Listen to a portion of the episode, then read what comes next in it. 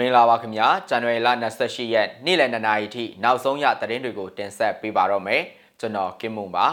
လွယ်ကော်မှာလူငယ်အလောင်း6လောင်းတွေ့တဲ့သတင်းတမိုးမြို့ရှိစစ်စေးဂိတ်ကိုဝင်ရောက်တိုက်ခိုက်ခဲ့ရာစစ်ကောင်စီတပ်မှ3ဦးသေဆုံးတယ်လို့ကာကွယ်ရေးတပ်ဖွဲ့ဆိုတဲ့သတင်းကြံခင်းမြို့နယ်မှာလက်နက်မှုနဲ့လူ9ဦးကိုဆွဆွဲဖမ်းဆီးခံရတဲ့သတင်းနဲ့အင်းတော်မြို့နယ်မှာစစ်တပ်ထောက်ပို့ရင်တန်း3ကြိမ်မိုင်းဆွဲတိုက်ခိုက်ခံရတဲ့သတင်း အစရှိတဲ့သတင်းတွေကိုတင်ဆက်ပေးသွားမှာပါလွယ်ကော်မှာလူငယ်အလောင်း6လောင်းတွေ့တဲ့သတင်းနဲ့စားလိုက်ချင်ပါတယ်စစ်ကောင်စီတပ်များနယ်မြေရှင်းလင်းရေးလုပ်ခဲ့တဲ့လွယ်ကော်မြို့နယ်တွင်ဇန်နဝါရီလ29ရက်နံနက်ပိုင်းမှာကရင်နေလူငယ်6ဦးရဲ့အလောင်းများတွေ့ရှိခဲ့တယ်လို့ကရင်နေလူအခွင့်ရေးအဖွဲ့ကပြောပါတယ်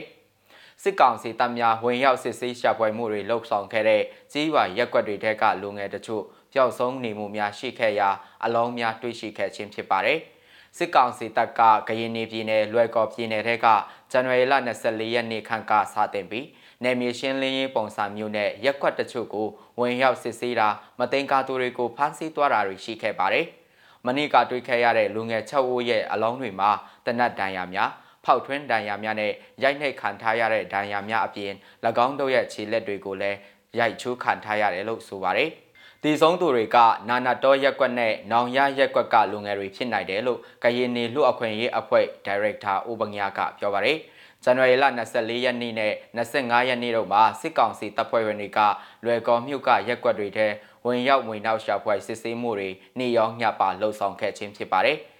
တွေ့ရှိခဲ့တဲ့လူငယ်တွေရဲ့အလောင်းတွေကိုကြည့်ချင်းအပြင်25ရက်နေ့ကလေးကတည်ဆုံးနေသူတွေဖြစ်နိုင်တယ်လို့အင်ရှင်ကဆိုပါတယ်။အင်ရှင်ဖြစ်သူကရိတ်ခါပြန်လာယူရင်းအပုတ်အနှံ့များရတဲ့အတွက်ရှာဖွေရမှာအိမ်နောက်ဘေးရှိအိမ်သာအရင်တည်နေတဲ့အလောင်းတွေကိုတွေ့ရှိခဲ့ခြင်းဖြစ်တယ်လို့ပြောပါတယ်။ဒီဆုံးသူတွေရဲ့အလောင်းတွေကိုလွယ်ကော်ပရာဟိတအသင်းကတည်ဆောင်သွားပြီဖြစ်ပါတယ်။ ဒါ့အပြင်ဇန်နဝါရီလ12ရက်နေ့မင်းဆိုရက်ကွက်မှပျောက်ဆုံးနေသူတွေကိုလည်းယနေ့ချိန်ထိမတွေ့ရသေးသလိုတဆုံတရာအဆက်အသွယ်မရသေးဘူးလို့ဦးပညာကဆက်ပြောပါတယ်။တည်ဆုံးလျက်တွေ့ခဲ့ရတဲ့လူငယ်များအတွက်တရားမျှတမှုရရှိရေးကျူးလွန်သူတွေကိုတရားဥပဒေနေကြအတိုင်းအပြစ်ပေးအရေးယူနိုင်ရေးဆက်လက်လှုပ်ဆောင်သွားမယ်လို့ကရင်နေလူအခွင့်အရေးအဖွဲ့တာဝန်ရှိသူကပြောပါတယ်။ဒါအပြင်ပျောက်ဆုံးနေသူတွေကိုလည်းဆက်လက်ရှာဖွေမှုလှုပ်ဆောင်နေပါတယ်လို့ဆိုပါတယ်ခင်ဗျာ။ တမိုးမြို့မှာစစ်စေးရေးဂိတ်ကိုဝင်ရောက်တိုက်ခိုက်ခဲ့ရာစစ်ကောင်စီတပ်မှ3ဦးတည်ဆုံးတယ်လို့ကာကွယ်ရေးတပ်ဖွဲ့ဆိုတဲ့သတင်းနဲ့ဆက်ချင်ပါတယ်။စကိုင်းတိုင်းတမိုးမြို့၄မိုင်စစ်စေးဂိတ်ကိုဝင်ရောက်တိုက်ခိုက်ခဲ့ရာစစ်ကောင်စီတပ်မှ၃ဦးတည်ဆုံပြီးအများအပြားဒဏ်ရာရသွားကြောင်းတမိုးမြို့ရှိကာကွယ်ရေးတပ်ဖွဲ့တပ်ရင်း၄မှဇန်နဝါရီလ29ရက်နေ့မှာထုတ်ပြန်ကြေညာပါတယ်။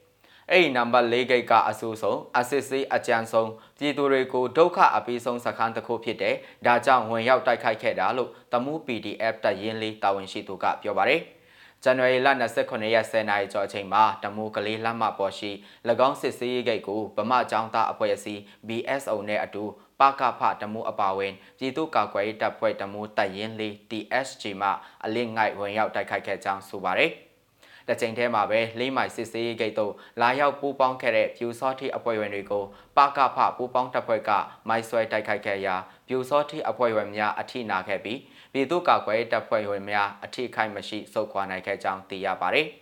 ပါကဖအင်အားစုများចောင်းသားတပ်ဖွဲ့ဝင်များနဲ့အတူလက်တွဲပြီးနောက်နောက်များမှလည်းမြေပြင်စစ်စင်ရေးတွေကိုပူးတွဲလို့ပြည်သူတွေအတွက်စစ်ကောင်စီကိုဆက်လက်တိုက်ပွဲဝင်သွားမှာဖြစ်ကြောင်းထုတ်ပြန်ကြေညာချက်မှာဖော်ပြပါတယ်။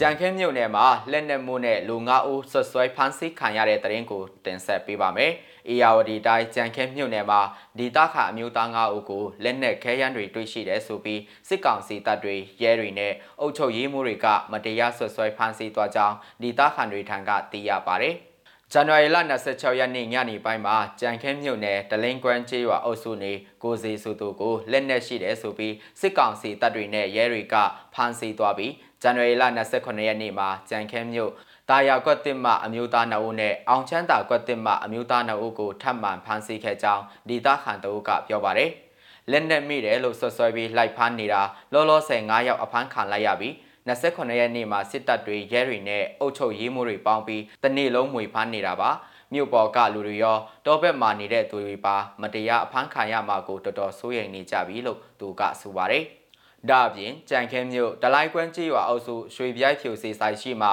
စစ်ကောင်စီတပ်တွေနဲ့ရဲတွေကမကြာခဏဆိုသလိုပိတ်ဆို့စစ်ဆေးမှုတွေပြုလုပ်နေပြီးမတရားဆွဆွဲဖမ်းဆီးမှုရှိလာနိုင်တဲ့အတွက်ဒေသခံတချို့ထွက်ပြေးတိမ်းရှောင်နေရကြောင်းသိရပါတယ်။ နောက်ဆုံးတင်ဆက်ပေးခြင်းတဲ့သတင်းကတော့အင်းတော်မြို့နယ်မှာစစ်တပ်ထောက်ပို့ရင်တန်း၃ကြိမ်မိုင်းဆွဲတိုက်ခိုက်ခံရတဲ့သတင်းကိုတင်ဆက်ပေးပါမယ်။စကိုင်းတိုင်းအင်းတော်မြို့နယ်မှာအစီး30ပါစစ်ကောင်စီထောက်ပို့ရင်တန်းကိုဇန်နဝါရီလ29ရက်နေ့မှာ၃ကြိမ်တိုင်းမိုင်းဆွဲတိုက်ခိုက်ခဲ့ကြောင်းဒေသခံတော်လိုင်းတပ်ဖွဲ့ Indoor Revolution IR အဖွဲ့ကတာဝန်ရှိသူတယောက်ကပြောပါရယ်